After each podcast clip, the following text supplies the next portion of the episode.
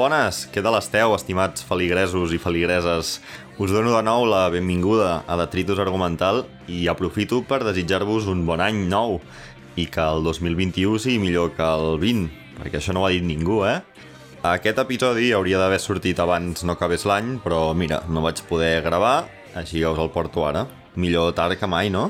Així que, si m'ho permeteu, abans de passar les 10 cançons, que, que són les últimes ja, faré una breu reflexió sobre el 2020, que prometo que ja serà l'última perquè imagino que estareu tan saturats com jo de metàfores, de valoracions, d'opinions, d'alegories, d'articles i de tuits sobre un 2020 que ha donat pel cul fins literalment la última hora de l'any.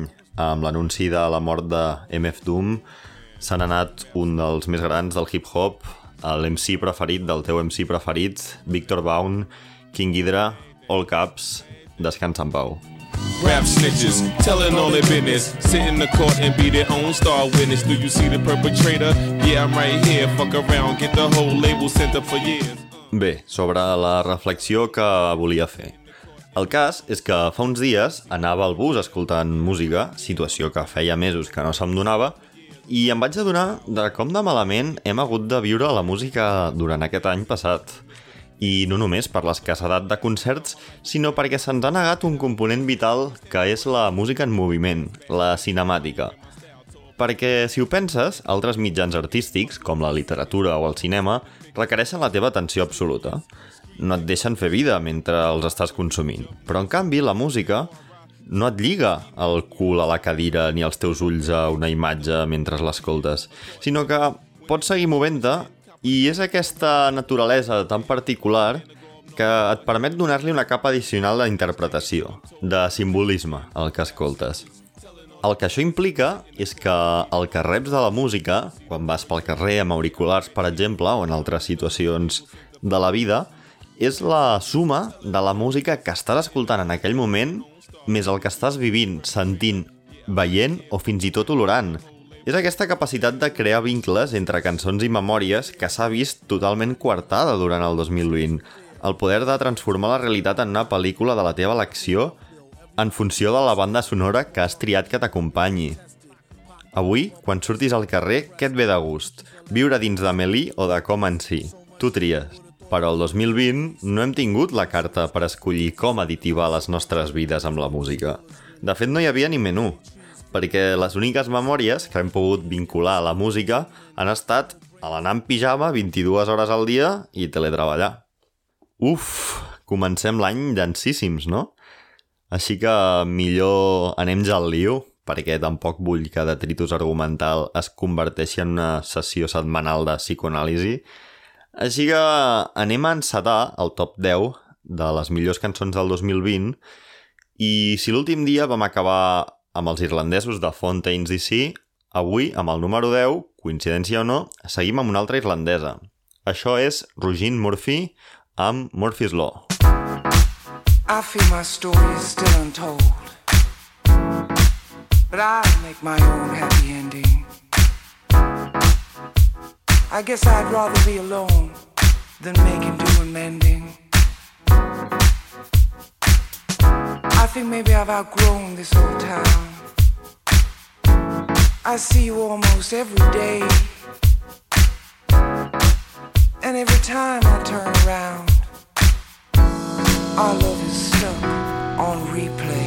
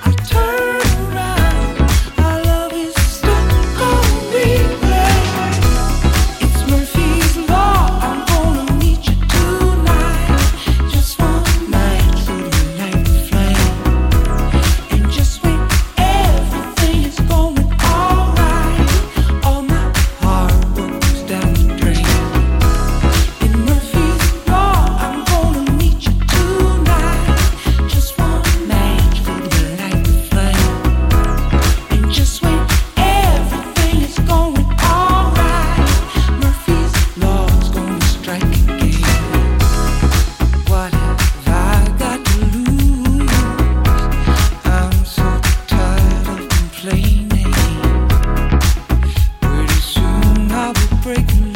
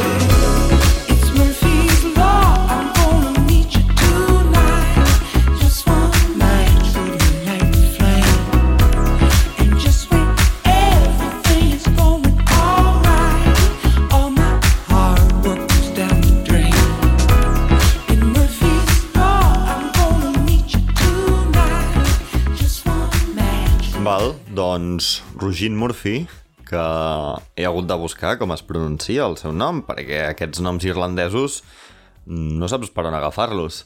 Com el de Saoirse Ronan, per exemple, que, escolta, començaré a pensar que a Irlanda tothom és guapíssim, perquè tots els irlandesos i irlandeses que conec són gent com mega atractiva. La pròpia Rogin i la Saoirse i el Pierce Brosnan i el Michael Fassbender, no sé què els hi donen de menjar a Airy, però jo també en vull. Total, que he triat Murphy's Law no perquè la pròpia Rogin m'hagi donat un like a Twitter i per fer-li la pilota, sinó perquè, escolta, és que és una joia funky i possiblement la cançó de l'any que més em puja l'ànim. En la cançó, Rogin diu que no vol ser una presonera tancada a casa, que pot semblar una referència molt òbvia a la pandèmia, però que no ho és, perquè la cançó ja estava escrita d'abans.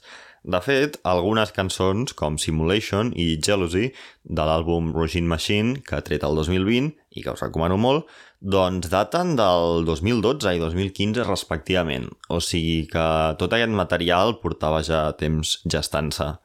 I seguim amb música una mica d'aquest rotllo nu disco, però una mica més house en aquest cas, perquè el número 9 hi ha Jada G amb Both of Us, nominada a un Grammy, per cert, té un piano en bucle que és super addictiu i probablement el millor drop de l'any i res, mira, com qui no vol la cosa, ja està entrant.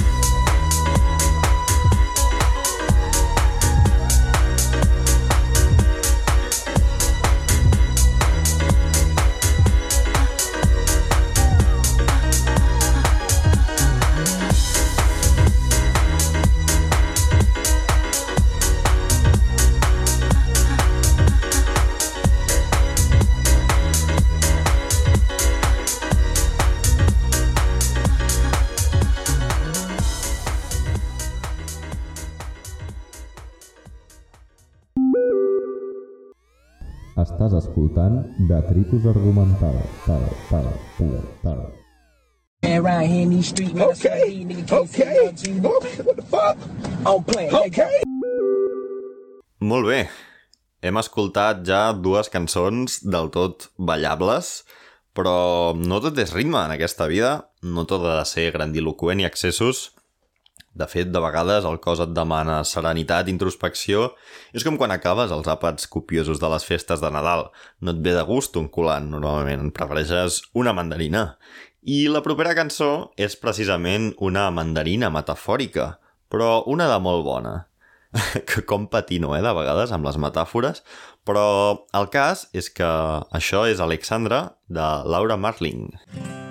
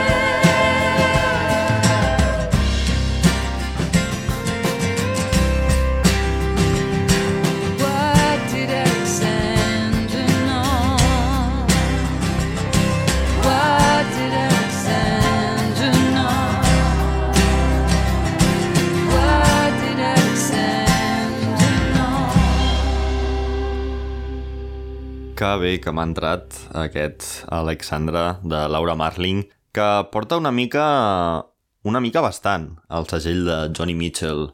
Però la cançó és en realitat una continuació o una resposta, no tinc molt clar, a la cançó Alexandra Living de Leonard Cohen. Laura Marling agafa el personatge femení creat per Leonard Cohen, que es caracteritza per no haver estat mai més que un objecte de desig, el complement dels homes amb els que ha estat, i es pregunta què passa quan se li dona veu pròpia i qui és fora d'aquestes relacions tan descompensades. I la veritat és que ho fa molt bé. I és que Laura Marling és una liricista fantàstica i molt experimentada, perquè porta des dels 16 anys publicant música i actuant en directe. De fet, una vegada la van fer fora de la sala del seu propi concert per ser menor d'edat, perquè l'admissió era de més de 18, i va sortir al carrer i va fer allà el concert. Ara, Laura Marling té 30 anys i ja ha tret 7 àlbums, cada un millor que l'anterior, pràcticament. 7 àlbums als 30 anys, eh? Quasi res. I els fans de Frank Ocean sabran per on estic tirant, perquè el propi Frank va prometre treure 30 àlbums, 30 àlbums, sí, 30 àlbums, 5 àlbums abans dels 30 anys i als 33 anys només n'ha tret 3, de moment, tot i haver reconegut que en té més d'acabats. Però això sí, publicar-los ja és una altra història. Potser es referia al 2030 i no als seus 30 anys, qui sap? Bé, no hi ha excusa dolenta per parlar de Frank Ocean, però tot i que pugui semblar, no he posat això tan amb calçador perquè sí, i és que el protagonista de la posició número 7 de la llista gravava el videoclip de la propera cançó amb una samarreta del Frank. Deixem que parli per si mateix, a veure si sabeu qui és. Tom, Varg, Varg, Morrissey, yeah. bunch of timid white who can't fuck with me. My daddy told me these white bitches can't keep a key. Fifth in his face, got him singing. És JPEG Mafia, és clar que sí. Absoluta llegenda, Peggy, desitjant-li la mort a Morrissey. Quin gran, JPEG Mafia. Que no sé si sabíeu que es diu així, JPEG Mafia, pel J. Pelirrojo, J. Pelirrojo. Podríem dir que, de fet, JPEG Mafia és el J. Pelirrojo negre. J. Pelirrojo, que per qui no ho sàpiga, ha tret un àlbum fa poc més d'un mes. Ho dic per si us va el masoquisme. Em pregunto si el tio seguirà amb les seves estafes online. Un moment, quan, quanta gent creieu que hi ha al món que conegui a J. Pelirrojo i a JPEG Mafia alhora? Jo crec que és poquíssima, eh? Es podria fer un diagrama de Venn amb una intersecció minúscula entre aquests dos col·lectius que aparentment semblen mútuament excloents, però si ets una d'aquestes persones, ets dels meus i vull ser el teu amic. Bueno, xorrades a part, anem directament a escoltar la cançó perquè, escolta, no puc esperar més. Check, check, check, check, check. Check. Will you turn the beat up?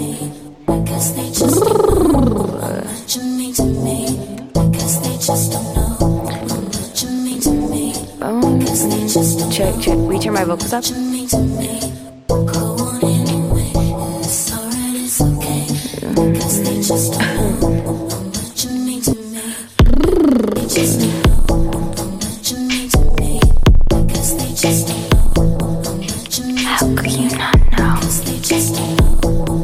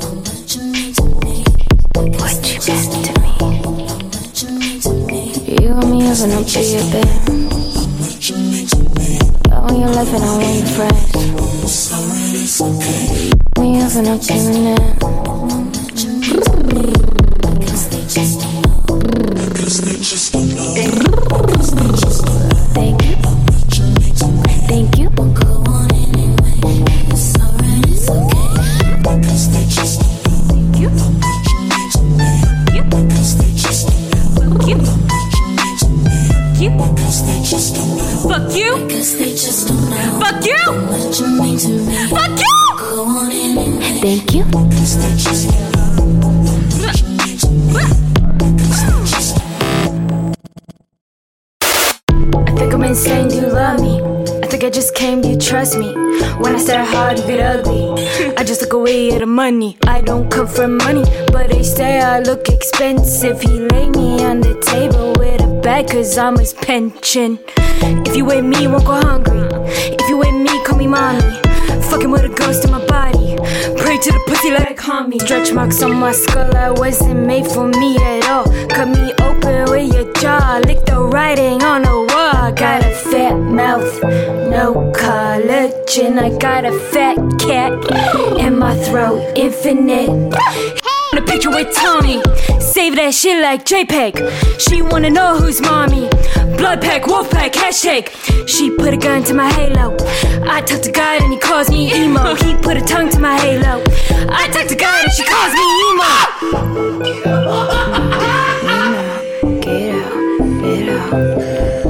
Say yeah,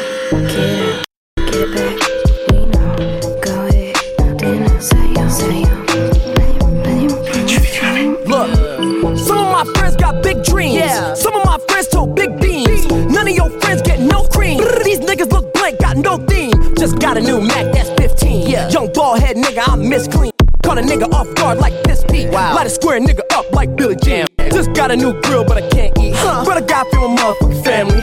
Gotta make it to the top and get a Grammy. Gotta get it. But I be playing with the drums like a bangy. Nasty. Bitch nigga don't make me aggy. Don't shot now you look like Cassie. Skinny nigga, but I'm built like an athlete. Wow. AR same color as khakis. You my sons, but I don't be the pappy. Stop wasting my time. Uh, these niggas don't ran out of line. Yeah. I'm strapped, but I'm ready to die. Okay. I feel like I die when I cry. Huh. I feel like I die when I rhyme. Huh. I can't believe that he tried.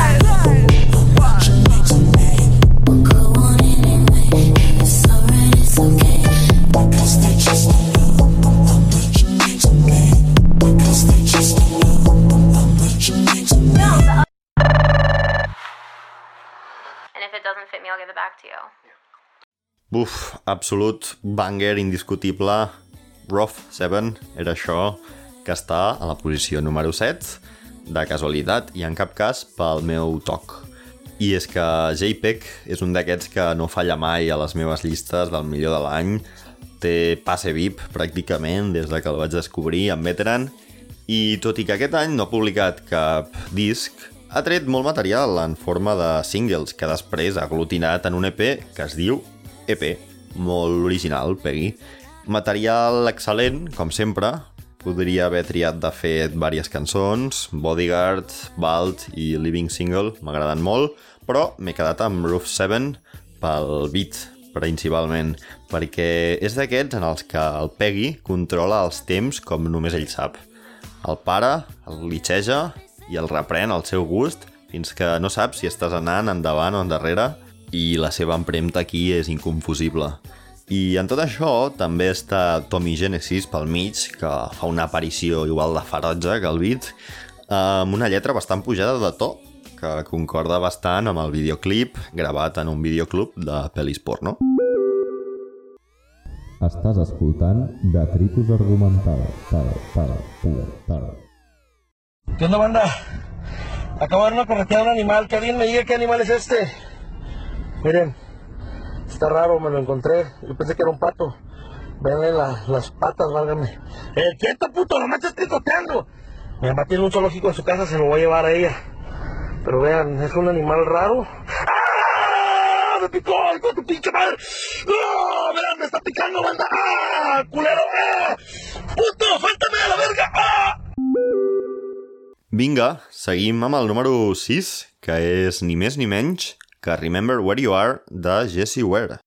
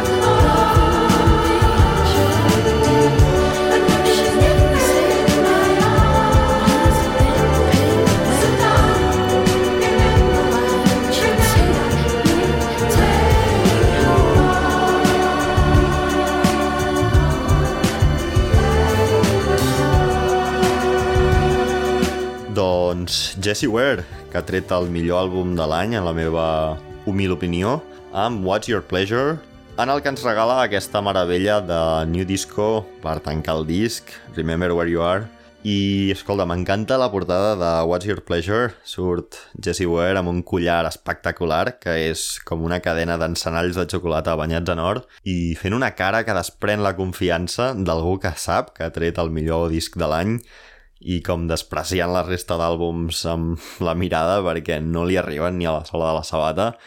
Però a Jessie Ware li dic que despreciï a qui vulgui, que em sembla fantàstic, però que primer escolti la propera cançó perquè, home, s'ho val. És Augmented Extended Mix d'un tal Elijah, del que no en sé res, a part de que el seu àlbum té la portada més xula de l'any. La cançó dura gairebé 10 minuts. La posaré tota, però és que si no, no té sentit. Com el nom d'Augmented indica, la cançó va augmentant de poder com qui no vol la cosa.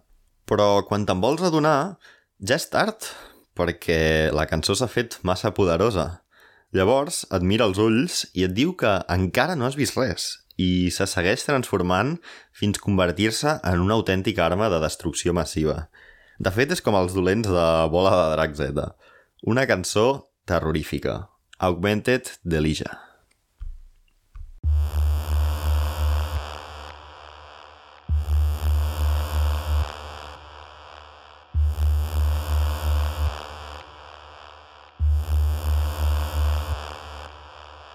My vision is augmented. My vision is augmented. My vision is augmented. My vision is augmented. My vision is augmented. My vision is augmented. My vision is augmented. My vision is augmented. My vision is augmented. My vision is augmented. My vision is augmented. My vision is augmented. My vision is augmented. My vision is augmented. My vision is augmented. My vision is augmented. My vision is augmented. My vision is augmented. My vision is augmented. My vision is augmented. My vision is augmented. My vision is augmented. My vision is augmented. My vision is augmented.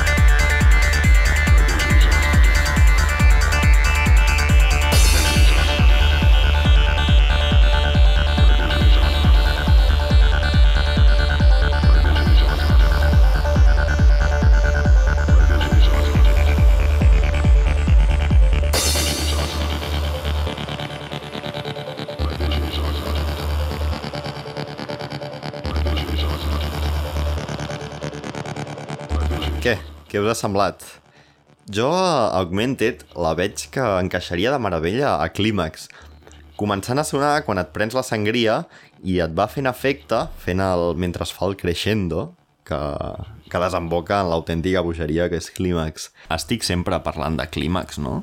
I per bogeria, la que hi ha hagut el 2020 per un conill caribeny que va pel nom de Bad Bunny, del que ja s'ha dit tot el que es podia dir ell i l'àlbum Yo hago lo que me da la gana ho han patat fortíssim aquest any passat i de fet aquesta serà l'única aparició de reggaeton en tota la llista i la cançó és naturalment Safaera que m'encanta perquè sembla que no s'acabi mai perquè quan acaba una estrofa fa un canvi de ritme i pam, de cop és una cançó diferent. Riu-te tu del Beat Switch de Nights. És que en realitat són com cinc cançons en una. I haver produït un collage d'aquesta magnitud deu haver estat d'una santa bogeria. És que és acollonant. Safaera és reggaeton progressiu. No sé si això existeix o no, però a dia d'avui em segueix fascinant i si per mi fos, s'emportaria el Premi de Tritus a la millor producció de l'any, que corre a mans d'un tal Tainy, que va produir I Like It, amb el propi Bad Bunny, la Cardi B, J Balvin, també ha produït coses per J Balvin més TKN, de la Rosalia i el Travis, i coses a l'últim àlbum de Caliuchis, també, del que vam parlar aquí.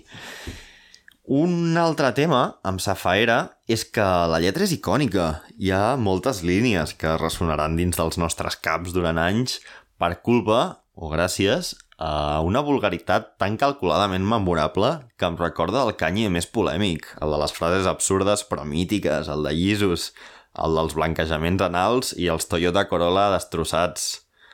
Total, que haureu sentit Safaera ja milers de vegades, però anem a escoltar-la una última vegada abans d'enterrar-la durant una bona temporada. Bla bla bla bla bla bla. Yo yo yo yo yo yo. Diablo que zafaera. Tú tienes un culo cabrón, cualquier cosa que te ponga romper la carretera. Ay, muévelo, muévelo, muévelo, muévelo que zafaera. Tú tienes un culo cabrón, cualquier cosa que te ponga romper la carretera.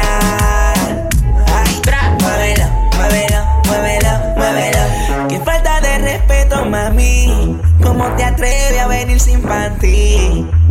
Hoy saliste puesta pa' mí. Yo que pensaba que venía a dormir, no vino redilla, puesta con una semilla. Me chupa la lollipop, solita se arrodilla. Hey. ¿Cómo te atreves, mami? A venir sin panty. Mira, dímelo, DJ Olma, ¿qué tú te crees? Jodido cabrón. Yo hago lo que me da la gana. Díselo, conejo. Ey, ey. Hoy se bebe, hoy se gasta, hoy se fuma como un rata, si Dios lo permite. Si Dios lo Ey, permite. si Dios lo permite. Que si Dios lo permite. Hoy se bebe, hoy se gasta, hoy se fuma como un rata, si Dios lo permite. Si Dios lo permite. Real G, orientando las generaciones nuevas por la verdadera. Bella que va a lograr la tipsy pa' que se te mojen los puta que Betty. La que se puso bella que mami fuiste tú. Sigo matando con la U. Chota con bicho, bicho con alga. Cho, chota con bicho, bicho con alga. Sí, chota con bicho, bicho con alga. Te, te está rozando mi tetilla. Este año no quiero putilla. Te ven con mucha prenda y te quieren pegar. Te ven bien activado y te quieren pegar. Porque estás bien buena, porque estás bien buena. Te estás bien grande como Lourdes Chacón. Las nalgas bien grandes como Chacón. La chocha no sé por qué no la he visto. Pero vamos para la cama a clavarte. Hoy se bebe, hoy se gasta, hoy se fuma como un rata, si Dios lo permite. Si Dios lo permite. Yeah, yeah. Hoy se bebe, hoy se gasta, hoy se fuma como un rata, si Dios lo permite. Si Dios lo permite.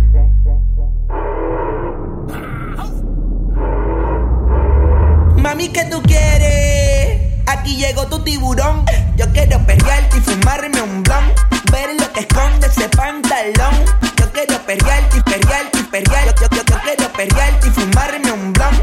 Yo quiero perrearte y perrearte y perrearte. Yo, yo, yo quiero perrearte y fumarme un blon, un blon. La rola ya me explotó. La nena bailando se botó. Ese culo se merece todo, se merece todo, se merece todo. Yes ese culo se merece todo, se merece todo, se merece todo. Ay, ay. Ah, yo pensaba que se ponía lenta. Está bien, está bien, vamos de nuevo, de nuevo. Ven en alma, ven en alma que está bellaco. Mi bicho anda fugado y yo quiero que tú me lo escondas. Agárralo como bonga. Se mete una pepa que la pone cachonda. Chinga en los Audi, no en los Honda. Ey, si te lo meto, no me llames. Que es pa' que me ames. Si tú no, yo no te mama el culo. Pa' eso que no mames. Baja pa' casa que yo te la embotoa. Mami, yo te la toa. Baja pa' casa que yo te rompo toa. Que yo te rompo toa. Baja pa' casa que yo te la toa. Mami, yo te la toa. Dime si él va. Si tú fumas hierba. Yeah, wey. Bebe. Bebe. bop, bop.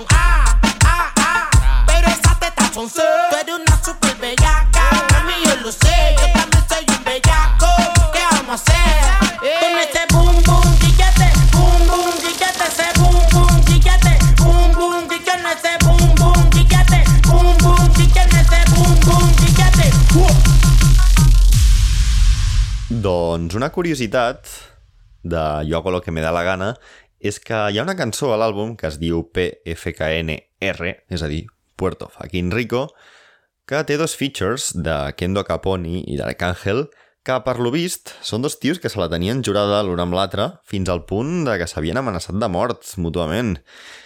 I aquest Kendo Caponi estava a la presó per altres temes i res, va sortir de la presó un mes abans de gravar la cançó i no sé quina mena d'invent va fer el Bad Bunny, però va aconseguir juntar-los per gravar aquest tema. Estàs escoltant Detritus Argumental. Tal, tal, tal, tal. Got a dark skinned friend, look like Michael Jackson. Light skinned friend, look like Michael Jackson. Val, molt bé. Doncs si Safaira era el número 4, això vol dir que ja toca el podi.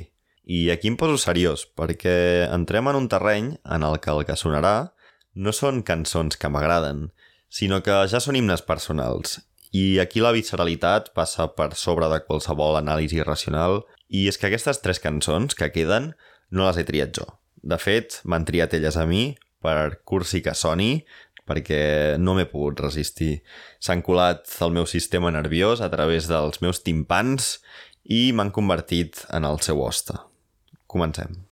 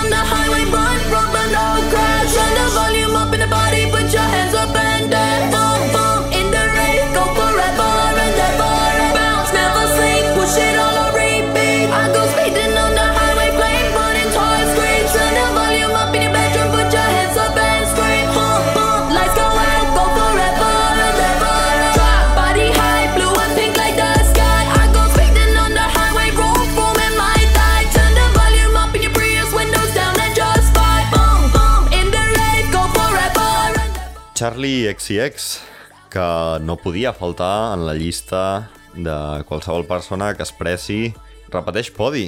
L'any passat era Next Level Charlie, que és això que sentíem ara, i aquest any ha estat Clos, no l'exalcalde de Barcelona, sinó Urpes. Dues cançons que en el meu cap tenen força en comú per l'estil mecànic i una mica com desganat que té Charlie de rapejar i que resulta en un flow que m'enganxa irremediablement.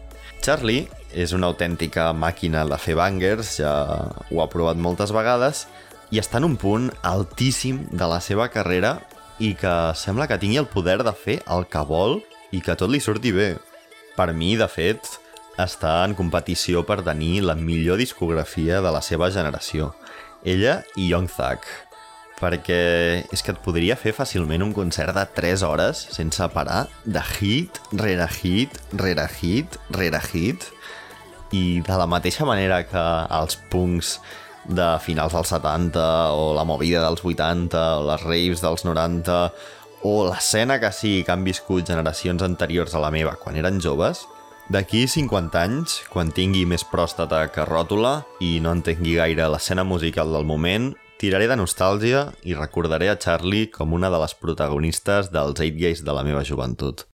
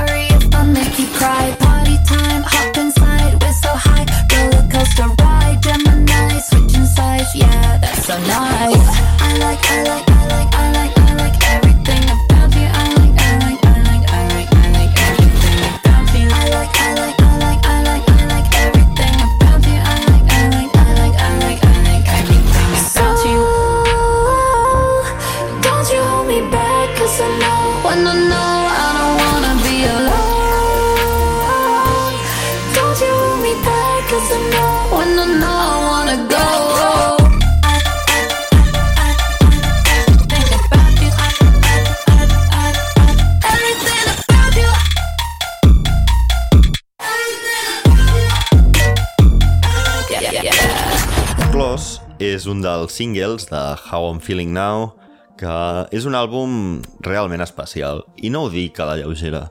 És un comentari que ja ha fet tothom, però és que s'ha de fer, és obligat, perquè quan mirem enrere, aquest serà probablement l'àlbum més representatiu dels mesos de la pandèmia i d'un confinament global.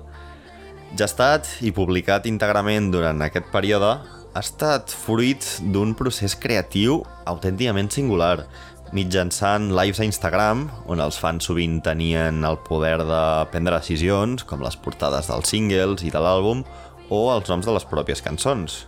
De fet, Close s'anava a dir Clementines per suggerència de Troy Sivan, que és bastant amic de la Charlie, però al final van acabar decidint els fans com per intentar explicar tot això a una persona de fa 50, 40 o 20 anys enrere.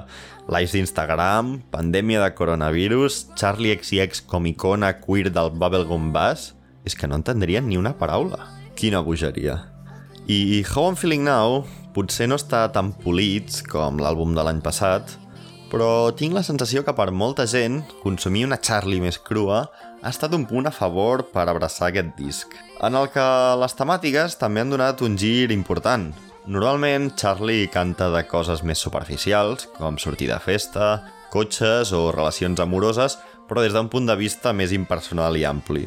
Però How I'm Feeling Now, en canvi, és força més introspectiu.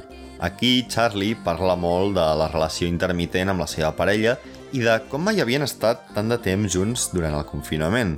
Però que el contingut de les cançons sigui més sentimental i personal no vol dir que el so sigui més tendre com un podria esperar. Més aviat tot el contrari, perquè en aquesta entrega és més abrasiu que mai. I aquesta combinació aparentment antinatural entre temàtiques personals i un so més dur em sembla extremadament intel·ligent perquè penso que és una manera molt honesta de reflexar la intensitat dels seus sentiments. I a Klaus, la producció abrasiva la porta Dylan Brady, que és la meitat de 100 gecs, és a dir, Virgil Gex.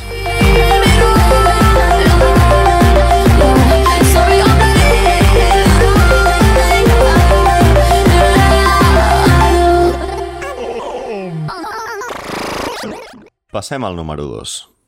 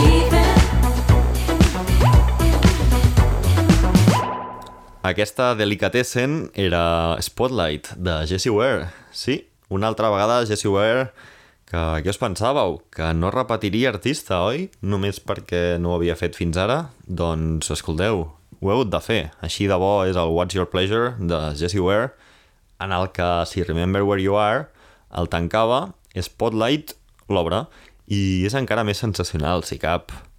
Spotlight, Jessie Ware aconsegueix uns nivells de magnetisme fora d'aquest món, i això és palpable en el videoclip de la cançó, un dels millors de l'any també, on Jessie Ware fa gala de la confiança que transmet a la portada del disc que abans comentava. I no sé, què més voleu que us digui d'aquesta cançó, a part de que estic segur que us ha encantat, i no em dieu que no, perquè és que, és que no us pot no agradar, Spotlight. I amb aquestes arribem al top de la llista, a la millor cançó de l'any. I la firma un tio que de cognom es diu Bowie, però no és el David, que en pau descansi, sinó un tal Sean Lee Bowie, tot i que potser us sona més el nom de Yves Tumor. La cançó en qüestió és Kerosene, que imagino que deu ser una referència a la cançó de Black Flag, amb el mateix nom.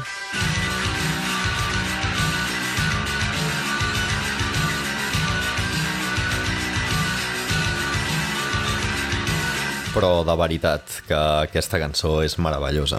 L'he escoltat més vegades del que puc comptar i tot i així no l'he cremat. I mira que el querosè és inflamable. Quin horror de broma, sisplau. Bueno, però Kerosene, que de fet és un duet entre Yves Tumor i Diana Gordon, i la combinació de les seves veus és de lo més suggerent que he sentit mai. De fet, s'hauria d'estar categoritzat com a ASMR eròtic. Erotisme que va creixent fins a un èxtasi que es tradueix en forma de solo de guitarra espectacular. I és que aquesta cançó té de tot. Típic de Yves Tumor, que és impossible d'encasellar dins d'un sol gènere. De fet, de Kerosene hi ha 3, 4 i 5 estils diferents. Probablement per aquest motiu l'ha fitxat Warp Records, tot i que a primera vista Yves Tumor dista bastant del canon tradicional de Warp, dels Autecre, Aphex Twin, Square Pusher, etc. Però si mirem altres incorporacions que han fet en els últims 5 anys, com Death Grips, Kelela o Danny Brown, es nota que el fitxatge de Yves Tumor no és cap fet aïllat, sinó que hi ha una pretensió per part del segell anglès de tocar diferents pals i de que aquests artistes que acabo d'anomenar doncs puguin acabar sent el relleu generacional de la casa. I un últim apunt per acabar, perquè Yves Tumor va debutar a Kerosene al primavera del 2019, que és l'última edició que s'ha celebrat, que trist, i que va ser bastants mesos abans de publicar-la oficialment. Un concert, el d'Yves Tumor, al que no hi vaig assistir i em fa molta ràbia. No sé quin artista hauria estar veient o si m'estava menjant un Frankfurt o què feia, però és una autèntica llàstima. De totes maneres, el que és una benedicció és poder escoltar Kerosene en bucle, que és el que faré quan acabi de gravar això. I res, gràcies per escoltar el programa, jo em dic Adrià i això ha estat Detritus Argumental.